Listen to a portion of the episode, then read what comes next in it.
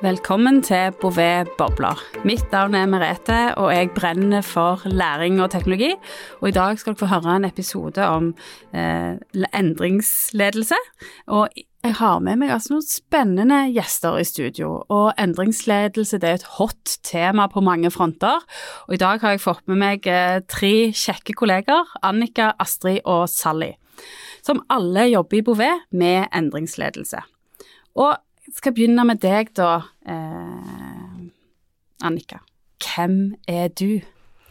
Ja, hvem er jeg? Eh, jeg er Annika, 31.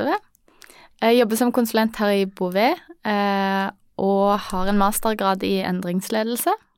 Veldig opptatt av at digitalisering har, er avhengig av folk, og da veldig interessert i på hvilke måter er vi avhengige av folk? Er, hvordan er det vi skal drive fram digitalisering eh, i organisasjoner med hjelp av folk? En liten fun fact om meg er kanskje at jeg eh, blir sånn indre lykkelig av en uh, fin himmel. Så jeg er veldig glad i soloppgang og solnedgang, og gjerne kveldsmat på Borestranda her i Stavanger. Det syns jeg er herlig. Oh, på stranden ut på Jæren, det høres helt ja, fantastisk ut. Ja, Jærstrendene er helt fantastiske. Ja, jeg får sånne fine bilder i hodet nå. Eh, så videre til deg da, Astrid. Har du noe fun fact? Fortell litt om deg sjøl. Ja, eh, jeg heter Astrid. Jeg er 30 år. Um, jobber i Bouvet. Uh, har en uh, bachelor fra BI og en master fra CBS i København. Um, på lik linje med Annika her, så, så, har vi jo begge stor interesse for endringsledelse.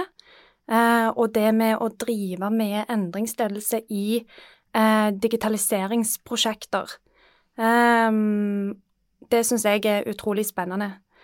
Og litt sånn eh, fun fact om meg. Jeg har faktisk eh, tilbrakt 10 000 timer på hesteryggen. Det er faktisk over eh, ett år, det. Eh, på, på, hesteryggen. Så eh, så det er en av mine interessefelt, utover endringsledelse, da, selvfølgelig. Ja. Så det er hestebest, altså. Rir du ennå, eller er det en eh, hobby som du hadde tilbake i tid? Det er en gammel hobby. Ja. Men 10 eh. 000 timer, det er jo det de sier at vi skal bruke for å bli skikkelig god på noe. Så da regner jeg med at du er skikkelig god på å ri på hester. ja, nå er det jo mange år siden, så vi får se på det. ja, og så har vi en tredje gjest i studio. Sally, fortell litt om eh, hvem du er. Ja, hei. Jeg heter da Sally. Jeg eh, er da pedagog i bunn. Jeg har uh, profesjonsstudie i pedagogikk. Har jobbet uh, mesteparten av yrkeslivet mitt i offentlig sektor, i departement og direktorat, og mye med, med, strategi og styring. Og har nok kanskje en litt annen innfallsvinkel til endringsledelse enn en mange andre. Uh, først og fremst er jeg jo opptatt av formidling, og det også å klare å formidle uh, det strategiske budskapet som man skal endre seg etter, og forstå hvorfor man skal endre seg. Og så har jeg jobbet da mer uh, rundt selve kulturutviklingen, altså det å forstå hva som endrer seg, og hvilke konsekvenser en endringsprosess får, da. Um, og ja, når det gjelder en liten fun fact, så kan jeg jo si at jeg er jo da opptatt av formidling på ulike måter. Uh, og som ungdom så vant jeg en rappekonkurranse. Så det var jo kanskje en litt annen vri. Jeg har ikke akkurat fulgt opp det siden, men jeg tror det sier litt om at jeg liker å være litt kreativ og finne litt kreative måter å, å formidle på. Absolutt. Det var nesten så jeg får lyst til å spørre om en liten test her i studio, men jeg skal ikke utsette deg for det. Det er så kult med rapping, da. Og så snakker du rett i hjertet mitt da, som en, en, medpedagog, eh, så det er sjelden jeg treffer noen med samme bakgrunn som meg sjøl, så det er jo veldig kjekt da, å ha med deg, eh, Sally, her i dag i studio. I like måte. Så var det dette med endringsledelse, da. Det er jo et ord jeg har hørt mange steder, og vi snakker om det på ulik måte. Men hva er egentlig endringsledelse? Skal du, Annika, få lov å prøve å forklare det til meg, sånn at jeg skjønner hva det kan være? Jeg skal prøve. Takk. Ja, nei, endringsledelse er jo et veldig populært eh, begrep. Jeg ser mye av det både på LinkedIn og i nyhetsbildet, og, og, det er på en måte et begrep som er litt på tunga til folk. Eh, og hva er det egentlig? Eh, fordi sånn som Nicolai Tangen, han var jo ute og sa at det var et kørka begrep. Jeg har lest eh, artikler som sier man er så lei av prefiksledelse. Mm. Det at man legger til ekstra ord foran ledelse. Ja. Gi meg et eksempel. Mangfoldsledelse, Ja, for det er populært. Ja, Ja. man skal jo alltid lede i et mangfold, Ja. fordi at folk er forskjellige, sant, så det at det blir på en måte et unyttig ord.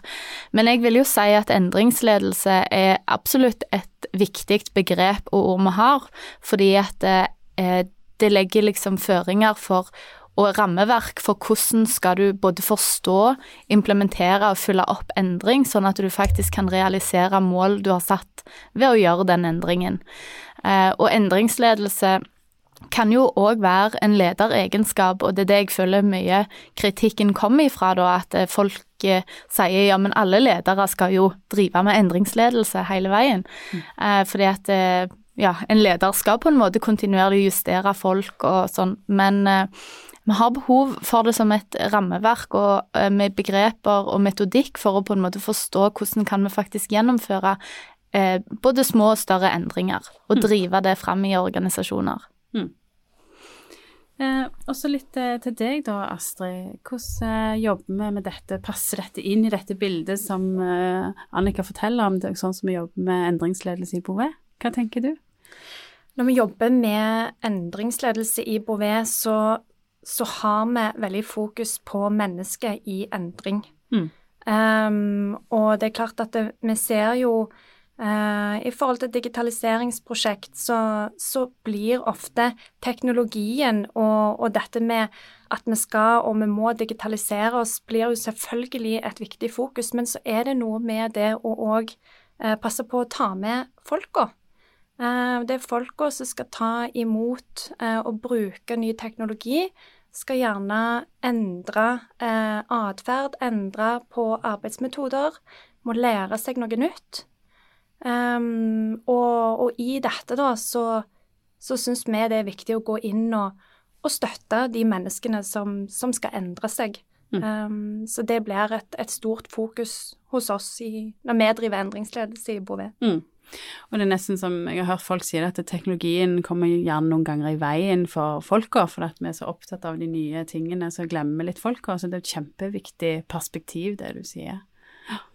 Det er det, og det er um, Der er jo forskning som tilsier at 70 av endringsinitiativ og endringsprosjekter, de mislykkes. Eh, og en av de største grunnene til det er jo at man glemmer, glemmer fokuset på, på mennesket i endring.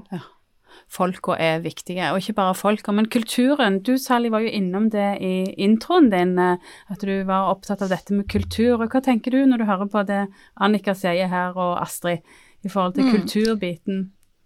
Ja, jeg har bare lyst til å også gi en liten kommentar også til det begrepet endringsledelse. Eh, For det er jo lett, og jeg er veldig enig med det som er blitt sagt her, og at det er et eh, kanskje litt sånn tungvint begrep på en eller annen måte, fordi man jo som leder skal lede endringer. Men det er jo også nettopp det metodiske da, i, i at endringsledelse er en egen metodikk, og at den kan jo også gjøres av andre i tillegg til lederne, og ikke minst i, i samspill med lederne. Eh, og det, når du nevner kultur og kulturutvikling, så er det jo nettopp det samspillet og det å se helheten i en kultur som gjør at om man lykkes med endring eller ikke. For det å forstå hva en kultur består av, og hvordan, den, eh, hvor- hvordan de ulike elementene i en kultur eh, støtter opp under hverandre eller er til hinder for endringsprosesser, eh, det er jo egentlig det som gjør, avgjør om vi klarer å skape verdi eller ikke. Eh, og, når det blir sagt her, sant, dette med digitalisering eller innføring av nye verktøy f.eks., eh, det gjøres jo aldri isolert. Altså det gjøres av mennesker, og det gjøres av i, eh, i forbindelse med arbeidsprosesser som vi da allerede jobber med. Så det skal jo hjelpe oss eh, å jobbe på en annen eller på en ny måte, og da er man alltid innen eh, Jobber man alltid med en slags kulturutvikling samtidig, da. Mm. Mm Kulturutvikling, og så har vi vel alle vært utsatt for uh, nye verktøy, da. Jeg bare tenkte det var en sånn uh, lite, liten gavepakke her til meg. Uh, for vi vet jo sjøl at vi kjenner gjerne på Nå kan jeg bare snakke for meg sjøl, da. At hvis jeg får beskjed om at nå skal vi jobbe på en ny måte, eller her kommer det en ny app eller nye verktøy, så er det jo gjerne sånn at det møtes litt sånn med motstand, da. Eh, stemmer det med det du har opplevd, særlig? Kan det være motstand om å komme med, med, nye, flotte verktøy eller nye, flotte prosjekter, eller skal gjøre ting kanskje enklere, men så krever det jo litt innsats av meg, kanskje? Mm, ja, ikke sant. Og det, er, og det, er, jo nettopp derfor dette hvorfor-spørsmålet blir så viktig. Fordi at man må skjønne hvorfor man skal i det hele tatt gjøre noe nytt, da, eller lære noe nytt. Eh, og i hvert fall min erfaring er jo nettopp det derre eh, å gå litt sånn strategisk til verks. Jeg tror det er der eh, jeg får mye hjelp av denne bakgrunnen jeg har. At jeg har jobbet mye sånn på overordnet nivå, og at jeg er også veldig interessert i, i det å, å, forstå det store bildet og den store konteksten. Og jeg bruker mye tid i mine prosjekter på å forstå hva er det som skjer rundt det prosjektet eller det oppdraget som jeg er satt til å gjøre. Da. Enten det er IT-avdelingen, hva er det de holder på med, eller kanskje andre typer avdelinger. Eh, der vi er nå, så holder jeg på et prosjekt som handler om om et eh, fysisk bygg, altså det, der man, de lokalene man faktisk sitter og jobber i. Og da er jo eiendomsavdelingen også veldig viktig. Eh, I tillegg til selvfølgelig å forstå strategien til organisasjonen. Men det er det også å se hvordan disse tingene skal støtte opp under hverandre, og ikke minst gjenbruke mye av, av de samme begrepene, rett og slett. fordi at da bygger man en sånn felles historie og et narrativ om, om hvorfor denne endringen er viktig, da. Mm. Mm. Ja, absolutt. Og det er noe med begreper. Det er jo bare vi snakker om dette begrepet, så det er jo sikkert mange ulike forståelser der ute eh, av hva endringsledelse er. Så det er jo sånn typisk det at vi må ha like begreper for å kunne forstå, eh, forstå hverandre. Men tilbake til, kan jeg spørre deg da, Astrid. Du snakket jo litt om altså, dette med 70% som ikke lykkes av disse endringsprosjektene. Men har du noen gode tips eller råd eller suksesskriterier for hva som skal til da, for, eh, for å lykkes med prosjekter? Ja, um, vi ser jo at uh, en av de viktigste suksesskriteriene er jo å bruke en del tid i uh, denne innsiktsfasen. Mm. Uh, sånn som Sally var inne på òg, hva, um, hvorfor skal folk endre seg? Uh, hva er det vi vil oppnå med denne endringen? Og så bruke noe tid til å få en, en sånn felles forankring, felles forståelse for uh, hvor, hvor, er det vi vil hen? Uh, hva er det vi jobber mot? Hvor er det vi vil hen? Um, og hvis man klarer det, så er det klart at da, da, har man jo noen bedre forutsetninger for å lykkes. Mm. Da forstår eh, ansatte hvorfor, hvorfor, de skal endre seg. Eh, hvilke fordeler får, får, jeg ut av å, å, endre meg, og hva skal til? Um, så det er denne her forankringsdelen og informasjonsdelen, og det å skaffe seg innsikt. Mm. Uh, det ser vi sånn erfaringsmessig er, er viktig å bruke noe tid i den fasen. Ja. ja, jeg har bare lyst til å legge til der eh, i forhold til det Sally snakker om formidling, sant, for det så, det er så sykt viktig i endringsprosessen. Det er hvordan vi formidler på en måte budskapet vi har om endringen, for at vi skal treffe folk på en god måte. Eh, jeg har jo sett eh, prosjekter hvor eh, endringsbudskapene har vært veldig store og vanskelige å få tak i, f.eks., og folk føler seg bare veldig forvirra, og hvordan angår dette meg, mens man ser på en måte mye stor og vanskelig kommunikasjon rundt. Så det at vi fra det endringsledelsesperspektivet og selv i formidlings perspektiv, eller eh, pedagogikken, på en måte kan komme inn og, og være med å guide eh, prosessen med informasjon og kommunikasjon, tror jeg er sinnssykt viktig. Og ja, Sally hadde veldig lyst til å ja, henge på her. Ja, kjør på, ja. Sally. ja, ja, ikke sant. Jeg er så enig. Og så er det Jeg syns det er så gøy dette med Eller jeg er veldig opptatt av det med å skape verdi, da. Det, det, er jo sikkert alle som sitter her, for det er jo det vi jobber med. Eh, men vi jobber jo også i en kontekst hvor, hvor folk ofte er veldig travle. Uh, og det er jo så viktig også det at vi klarer å skjønne nettopp den hva er det folk er opptatt av rundt oss, i tillegg til det prosjektet vi holder på med.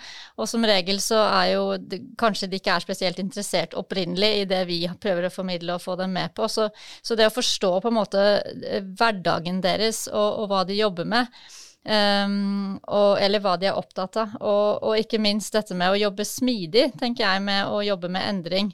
Nettopp for at vi også skal klare å tilpasse oss underveis. Altså vi må også være dyktige på endring for å kunne endre uh, på en måte måten vi, eller vår fremgangsmåte, da, for å få med oss folk. Uh, for hvis ikke så tror jeg hvis vi på en måte borer for hardt i, i, det samme budskapet på den samme måten om igjen og om igjen, så er det lett uh, å miste folk, da. Mm. Og variasjon er kanskje nøkkelen òg der, i forhold til hvordan en mm. formidler. Men har du noen gode eksempler, eller noen av dere nå bare kaster ut spørsmål på måter å gjøre dette på, da? For jeg hører jo verdi er viktig, innsikt er viktig. Dette er jo på oppstartssiden. Sant? Hva skal en kommunisere ut? Er det noen sånne knagger der i forhold til informasjonsbit, kommunikasjonsbiten i oppstarten? For jeg tenker igjen, kan jeg bare bruke meg selv som et eksempel, men, men uh, vi ser jo at det, vi kan møte motstand før folk egentlig vet hva det går i, hvis de ikke skjønner at det har en verdi for de det gjelder, da. Altså hvordan kan vi klare å skape det rommet for at folk tar imot da, og skjønner at det, ja, hvis jeg investerer litt tid, så får jeg så mye tilbake. Altså, hva, har dere noen gode eksempler? Ja, jeg, jeg syns jo slå et veldig slag for det å lytte til folk, og ja. det å være der folk er. Uh, altså det å sitte i, uh, om det er kantine eller uh, andre typer sånne fellesarealer, altså rett og slett gå litt rundt i gangene og lytte. fordi at da tror jeg man plukker opp helt utrolig mye informasjon om, om hva som rører seg sånn i til, som du trenger å vite om, rett og slett, for å lykkes med ditt prosjekt. og en annen ting er jo dette med forankring, og det å få med seg nøkkelpersoner og, og, og beslutningstakere det, det, hjelper på en måte så lite om eh, noen, altså en innleid konsulent eller andre, står og formidler et budskap, hvis ikke det er hektet på det ledelsen også sier, da. Mm. Så da hører jeg forankring er viktig. Og Annika, du vil si noe annet, ja?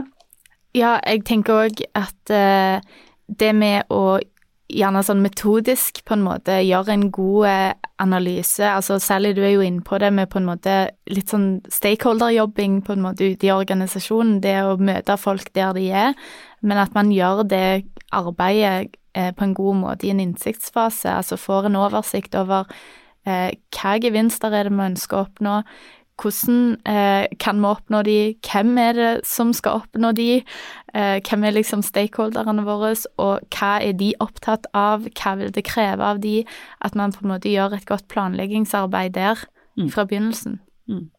Så planlegging er viktig, ja. Eh, takk, Annika. Astrid, har du noen gode flere for å følge på det som er sagt her? Jeg hører forankring og innsikt, var du innom tidligere. Andre ting som er viktig? Ja, eh, både, altså både dette med eh, forankring, som Sally var inne på, eh, og eh, det å bruke en del tid i, i innsiktsfasen med å gjøre analyser og stakeholder mapping. Eh, det er klart at det er, er utrolig viktig, og så tror jeg at det Um, det å òg, som Sally var inne på, være ute, rett og mm. slett, blant uh, de ansatte. Uh, ta litt sånne uformelle prater. Um, ofte da uh, folk letter på hva bekymringer, usikkerheter, tanker. Uh, så rett og slett òg være, vær synlig, lytte, være ute der og så finne litt, litt ut av hva, uh, hva snakkes det om. fingeren på pulsen, rett og slett. Mm, mm. Høre på folka. Ja, mm. ja absolutt. Ja. Mm. Og så er det jo dette med hindringer, da. ikke sant? Man blir jo også så nysgjerrig på hva er det som hindrer eventuelt endring. Eh, og det kan man jo fort merke i sånne prosesser, at eh, ting kan kanskje flyte veldig bra en periode, og så plutselig så er det akkurat et eller annet som skjer som stopper opp. Og det kan jo være noe strategisk eller noe i organisasjonen, altså noe som har skjedd, en helt reell, reell hendelse. Men det er jo også hva, hva folk igjen eh, på en måte opplever personlig, da. Eh, og dette med opplæring eller kompetanse. ikke sant? Være nysgjerrig på hva er det som på en måte Er du satt i stand i det hele tatt til å gjøre endringen, eller er det noe vi kan, kan vi koble oss på, f.eks. om det er HR eller noen andre avdelinger i, i organisasjonen som, uh, som, kan hjelpe deg å lære det du trenger å kunne, da, så du evner å gjøre den endringen som skal til. Mm. Så jeg hører at tverrfaglighet og jobbe tverrfaglig er viktig da i dette bildet? Mm, ja, ja, absolutt. Mm. Både tverrfaglig og på tvers i organisasjonen. Mm. Altså ikke bare fagene, men, eh, men, også nettopp å koble seg på, på de parallelle prosessene som skjer, da. Mm. Så man snakker med samme budskap, for det er jo det som er viktig, at ledelsen eh, på tvers, at man hører det samme på, på, i ulike arenaer. Ja. Men nå jobber jo dere på forskjellige steder med forskjellige prosjekter og kunder, men har dere noen gode eh, eksempler som dere kan dele på når dere virkelig lykkes? Jeg blir så nysgjerrig. Nå snakker vi om på en måte de gangene det er noen bumper på veien, altså noen barrierer her og der. Eh, vi må stå i ting over tid, vi må gjøre en sånn god introduksjon, eh, innsiktsfase, planlegging, analyse i starten. Men når er vi i den der flow zone, og når går det veldig bra? Har dere noen gode eksempler på sånn en liten ting dere kjenner dere lykkes med, eller har gjort veldig bra et eller annet sted der ute, sammen med noen? Ja, Sally? Ja, eh, jeg, eh, jeg, har tenkt mye på det, eh, nettopp dette og det som går på formidling. Altså I det prosjektet jeg er nå, så, så fant jeg veldig fort ut at jeg måtte ha en prosjektplan som var så enkel å formidle at jeg kunne få med meg folk på, på, kort tid, og gjerne nye mennesker underveis. Og det er realiteten i det prosjektet, at jeg, det er både en styringsgruppe og en prosjektgruppe, men det kommer hele tiden nye personer inn som blir viktige støttespillere. Så det, da lagde jeg rett og slett en prosjektplan på én powerpoint, altså foil, som, som, som, rommer alt man trenger å vite av, eh, av, måten vi jobber, altså hvilken fremdrift vi har, hva vi har gjort, hva vi skal gjøre, men også hvordan vi har hektet oss opp på, på andre parallelle prosesser i, eh, i organisasjonen, og hvilke, hvordan vi har tenkt å formidle det vi gjør ut til organisasjonen. Og den høres veldig hektisk ut, men den har faktisk blitt ganske oversiktlig og fin, og jeg ser at når jeg møter nye mennesker og kan vise fram den, så bruker de ikke mer noen minutter på å skjønne ok, hva trenger du meg til akkurat nå, da. Mm.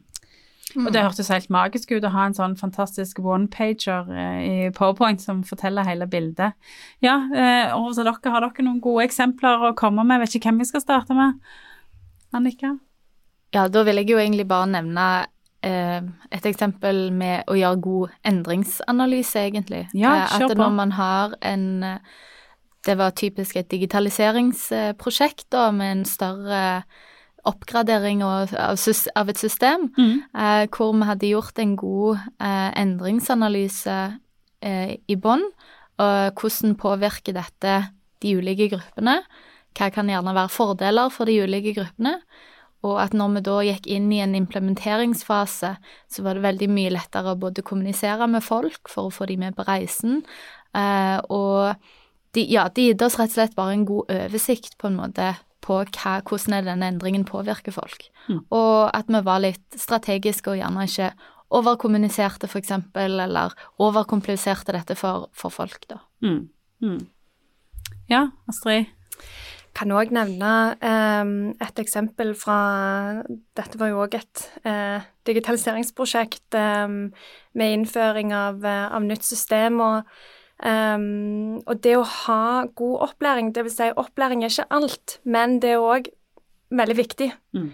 Uh, så det å, å ha uh, god opplæring, um, sånn at de som skal ta i bruk den nye teknologien, føler seg ivaretatt og føler at dette er trygt, mm.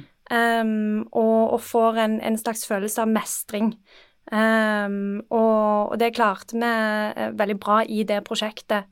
Um, hvor denne opplæringen strakk seg uh, over veldig mange ulike forretningsenheter. Mm. Um, og, og, at de ansatte følte at det er, det er trygt å ta i, i bruk løsningen. Mm. nå, nå, kan jeg det. Nå, nå mestrer jeg dette. Ja. Så jeg tror det òg er, er, en viktig, viktig suksesskriterium, altså. Ja. Absolutt. Eh, og det å ha de der trygge læringsrommene, det er jo så viktig at en tilrettelegger for det på en eller annen måte med det en gjør.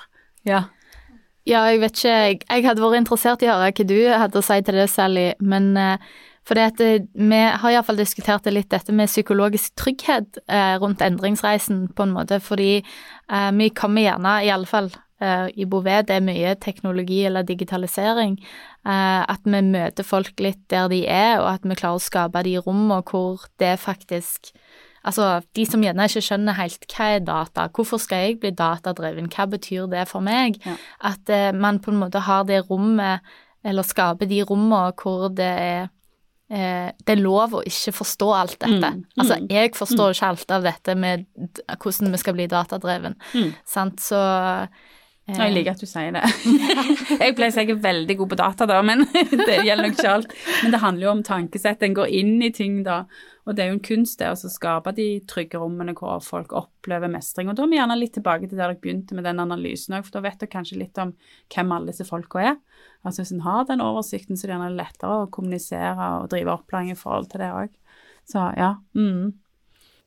Mm. Jeg kan godt si litt Eller ja, jeg, jeg, jeg, jeg er veldig enig i det. Og, og så tenker jeg at Uh, ja, ikke sant. Hvordan skape psykologisk trygghet. Det er jo litt krevende, og det kan jo være litt krevende også som ekstern, da, fordi at man ikke kanskje har tilgang til alle de møtene som, hvor folk på en måte har sin daglige drift. Da.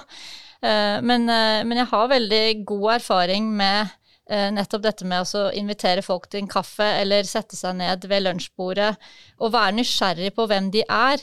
Uh, og ikke minst det der med at uh, ikke nødvendigvis snakke jobb, men prøve å finne litt ut om hvem personen er, da, hva, hva de er opptatt av sånn ellers. Um, og så pleier jo jeg å kartlegge organisasjonen altså Veldig mange organisasjoner er jo bygget opp sånn ganske likt, uh, og man finner jo fort ut i sitt eget prosjekt hvor, hvor man tror nøkkelpersonene er. Så det å, å invitere seg inn til I starten må man jo se an litt, men, men, det å bli kjent med folk er rett og slett et veldig har jeg i hvert fall veldig god erfaring med. Og det er veldig mye enklere når man har snakket litt om vær og vind, og hva gjorde du i helgen og høstferien og litt sånn, og, og så begynne å tenke eller snakke om, eh, om, hvordan kan du bidra inn i prosjektet, eller hva kan jeg hjelpe deg med, da. Eh, og kanskje da er man også mer tilgjengelig den andre veien, hvis det er noe de eh, syns er vanskelig eller lurer på, eller Hmm. Det er vel hele grunnlaget for psykologisk trygghet, det er å få den der tilliten da, gjensidig. Og det gjør vi jo, sånn som du sier, når vi blir kjent, da. Eh, mm. Så får en sånn tillit til at en eh, kan levere eller kan jobbe sammen, eller ja, vi blir litt tryggere på hverandre da. Så det der med smalltalk syns jeg er veldig, veldig Det høres jo superlett ut, og det som liksom står med en kaffekopp der, men det er viktig, da, for å få de der gode relasjonene og tillit som skaper psykologisk trygghet. Ja, jeg hadde bare en liten kommentar til det. Og, det, og, og jeg tenker det handler jo òg på mange måter om den, om den kulturen eh, som eh, man bygger eller ønsker å bygge og har i organisasjonen. Eh, en kultur som eh, fasiliterer for psykologisk trygghet. Mm. Eh, og at når man kommer med sånne type innføringsprosjekt, endringsprosjekt, så har man òg en, en, kultur som, som, kan bære den usikkerheten og, um, og, um, og, noe av den psykologiske tryggheten som, som skal til, da. Mm. Mm. Mm. Også, jeg har bare lyst til å si det, dette med kulturutvikling også, ikke sant? for du nevner det jo akkurat der at altså det å, å, sette seg ned ved et lunsjbord er jo bare enkelt hvis du vet akkurat når lunsjen er, og hvis det ikke er på en måte veldig strenge regler for hvem som spiser sammen med hvem. Sånn at det er mange sånne mekanismer i organisasjoner som kan forenkle nettopp det å bli kjent og bygge relasjoner, eller som kan hemme det, da. Uh, og det, det, har i hvert fall jeg merket i, i mange ulike organisasjoner, at akkurat den der verdien av å og på en måte bygge de relasjonene, den kommer også litt ovenifra. Om, blir, eh, om det støttes eller oppmuntres til det. Eh, snakke sammen på tvers av avdelinger f.eks. Altså bli kjent med kolleger. Eh, eller om det er på en måte mer sånn at man jobber veldig silobasert og nei, vi har ikke så veldig behov for å snakke med noen andre eller bli kjent med hverandre, og vi spiser lunsj sammen med de samme. Så ja. Men altså, nå er jo vi kanskje i dette rommet over snittet interesserte og positive til endring, da. Men møter dere sånn endringstretthet noen ganger? At en får liksom 'Å nei, ikke enda en endring', eller 'Og hva gjør dere da?' Hvis det er noen sånne Det er jo gjerne noen barrierer eller motstandere blant folk òg. Og det er jo en sånn snakkes at nå har vi enda et prosjekt, eller osv. For å sette det litt på spissen. Eh, ja. Ja, det er jo um, Altså, det, det, er jo veldig normalt at det der er noe motstand eller usikkerhet uh, eh, knytta til dette med endring. Og så er det klart at det nå uh, lever vi jo òg i en verden hvor det er jo mye dynamisk, det er mye endringer. Uh, det kommer um, på teknologifronten mye nytt som man skal forholde seg til og lære seg. Uh, og det er klart at det, da kan man jo oppleve en sånn endringstretthet. Men jeg tror eh, på mange måter det er akkurat der det handler om å synliggjøre eh, fordelene.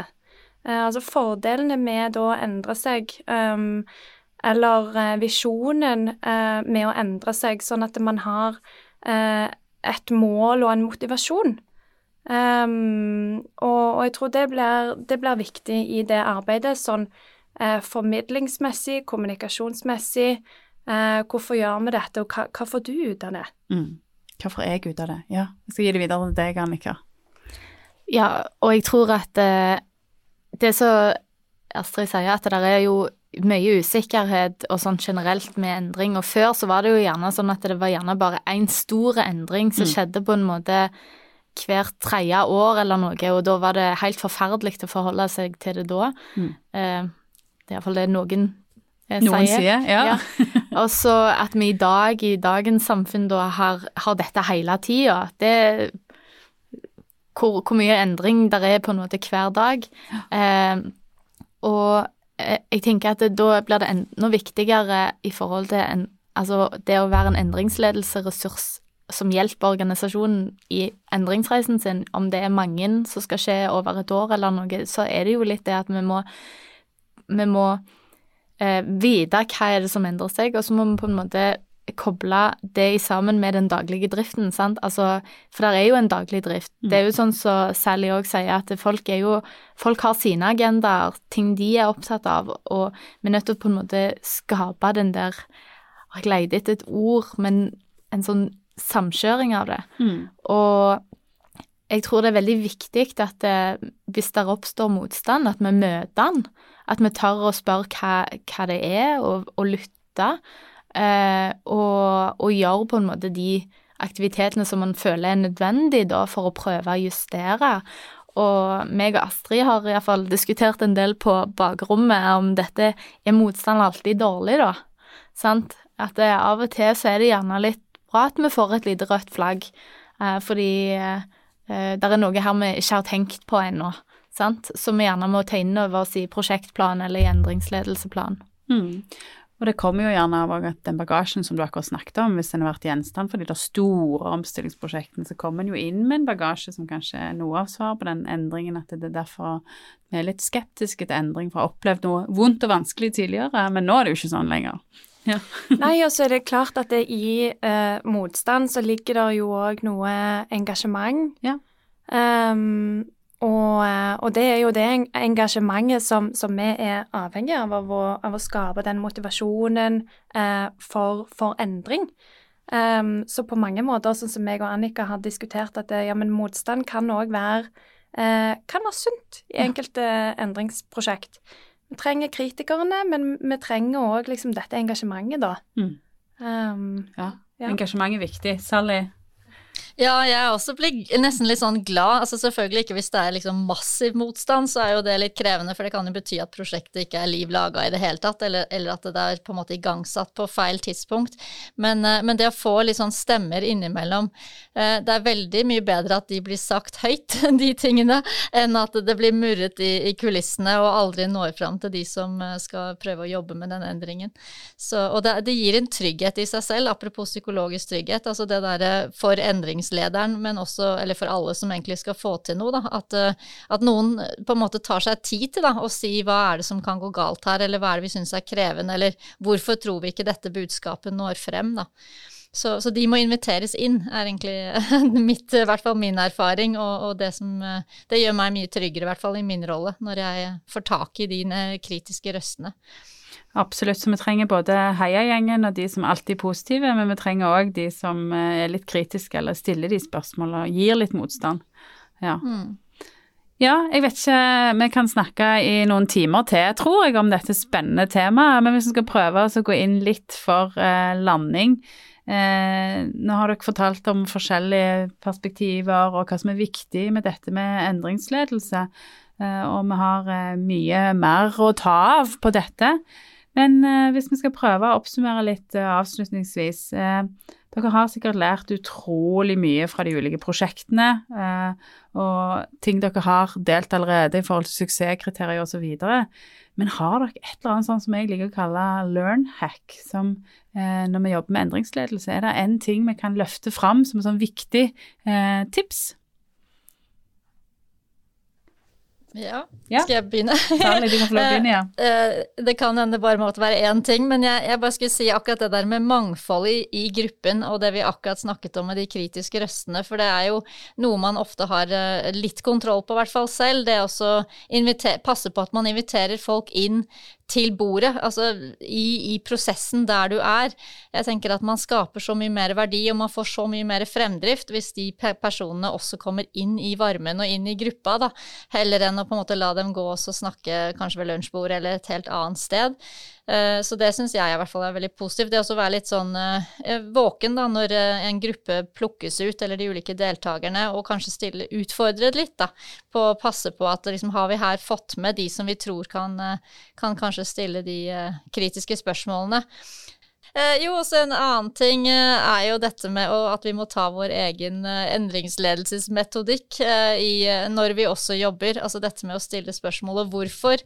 Eh, det er et veldig sånn viktig spørsmål egentlig i alt vi gjør. Eh, enten det er å, å forberede uh, et møte, eller å gjennomføre det, eller å på en måte følge det opp. Altså det er hele tiden det å være bevisst på, på hva, hva er det, hva slags verdi skaper jeg nå, og hvordan kan jeg bruke tiden til de som kommer og snakker med meg på en best mulig måte. Uh, og ikke minst altså, ikke sant, hvordan, hvordan få de gode diskusjonene, det som vil, vil gi oss den fremdriften. da. Mm. Mm, Vi snakker oss ofte bort, det er det på en måte som er Ja. min erfaring. Det blir veldig mye ord og veldig mye som Prosessene er så komplekse, det er så vanskelig å ta det ned og på en måte klare å, å snevre det inn til det vi trenger akkurat her og nå. Og det tror jeg den, det hvorfor-spørsmålet kan hjelpe oss med. Mm. Så mangfold og kritiske stemmer, og hvorfor sitter jeg igjen med her. Eh, Annika, har du et lite learn hack eller tips du har lyst til å dele? Jeg tror eh, noe av det som er veldig viktig, er å definere hvor er det vi skal. Hva er det suksess Hvordan ser suksess ut? Mm. Altså når vi Uansett egentlig hva endring det gjelder, eh, hva er det vi ønsker å oppnå? Eh, og gjerne prøve å gjøre det målbart. eh, For å kunne fylle opp, faktisk. Oppnår vi det vi sa vi skulle oppnå? Mm. Eh, For med digitalisering så kan gjerne en fordel eller et mål være økt IT-sikkerhet, og, og det går an å måle med, med data og, og systemer. Men eksempel brukere, da. Brukere sin atferd eh, i, i møte med IT-verktøy og deres eh, på en måte sikkerhetsatferd, da er det jo noe annet, sant. Så det å ha på en måte litt definert på forhånd hva, hva det vi vil oppnå, og eh, hvordan skal vi måle det, og se at vi faktisk oppnår det vi vil. Så hvordan suksess ser ut, faktisk, ja. Mm. Ja. Ja, til siste, Astrid, du har sikkert noe spennende å dele du òg på Learn Hacket. Ja. Um, det vil si, jeg er jo veldig enig med både Sally og Annika her. Um, og så i, i tillegg til det, da, så tenker jeg at dette med uh, kommunikasjon, uh, altså sånn tydelig, men òg hyppig kommunikasjon um, Sally var litt inne på dette med hvorfor, altså dette med å kommunisere og hvorfor skal vi endre oss? Ha et tydelig og klart eh, buds budskap på det. Um, og det òg med å vise eh, fordelene eh, med hvorfor vi skal endre oss eh, på en sånn håndgripelig eh, måte. Um, og at dette blir hyppig òg kommunisert sånn underveis i endringsprosessen. At man holder, holder folk informert, rett og slett. Mm. Mm. Ja, holde folk informert. Eh, Den tror jeg jeg skal ta med meg videre. Og tusen takk til alle dere tre som var her i studio i dag. Eh, Det har vært eh, utrolig kjekt å få lov å være med litt i denne diskusjonen om endringsledelse. Jeg bobler litt over til å prøve å finne mer å lese på eller lære om dette temaet, for jeg merker jo at det er et stort og spennende tema. Eh, Og så er det noe med som i hvert fall jeg skal ta med til min jobbhverdag, det er det at det, det handler ikke bare om den appen eller det verktøyet eller den teknologien eller nå skal noe digitaliseres, men det handler, som jeg hører fra dere, da, mest av disse folka. At det, det må vi ikke glemme. eh, At det er faktisk kanskje folka som er det viktigste, og kanskje vi må jobbe på litt nye måter for å få til en endring. Ja, Tusen takk til alle gjester i studio, Sally, Annika og Astrid. Takk til alle dere som lytter på denne episoden. Og har dere lyst til å høre på flere Bouvet Bobler-episoder, ja, så finner dere de akkurat der dere fant denne episoden på internettet. Så da sier jeg bare takk for meg.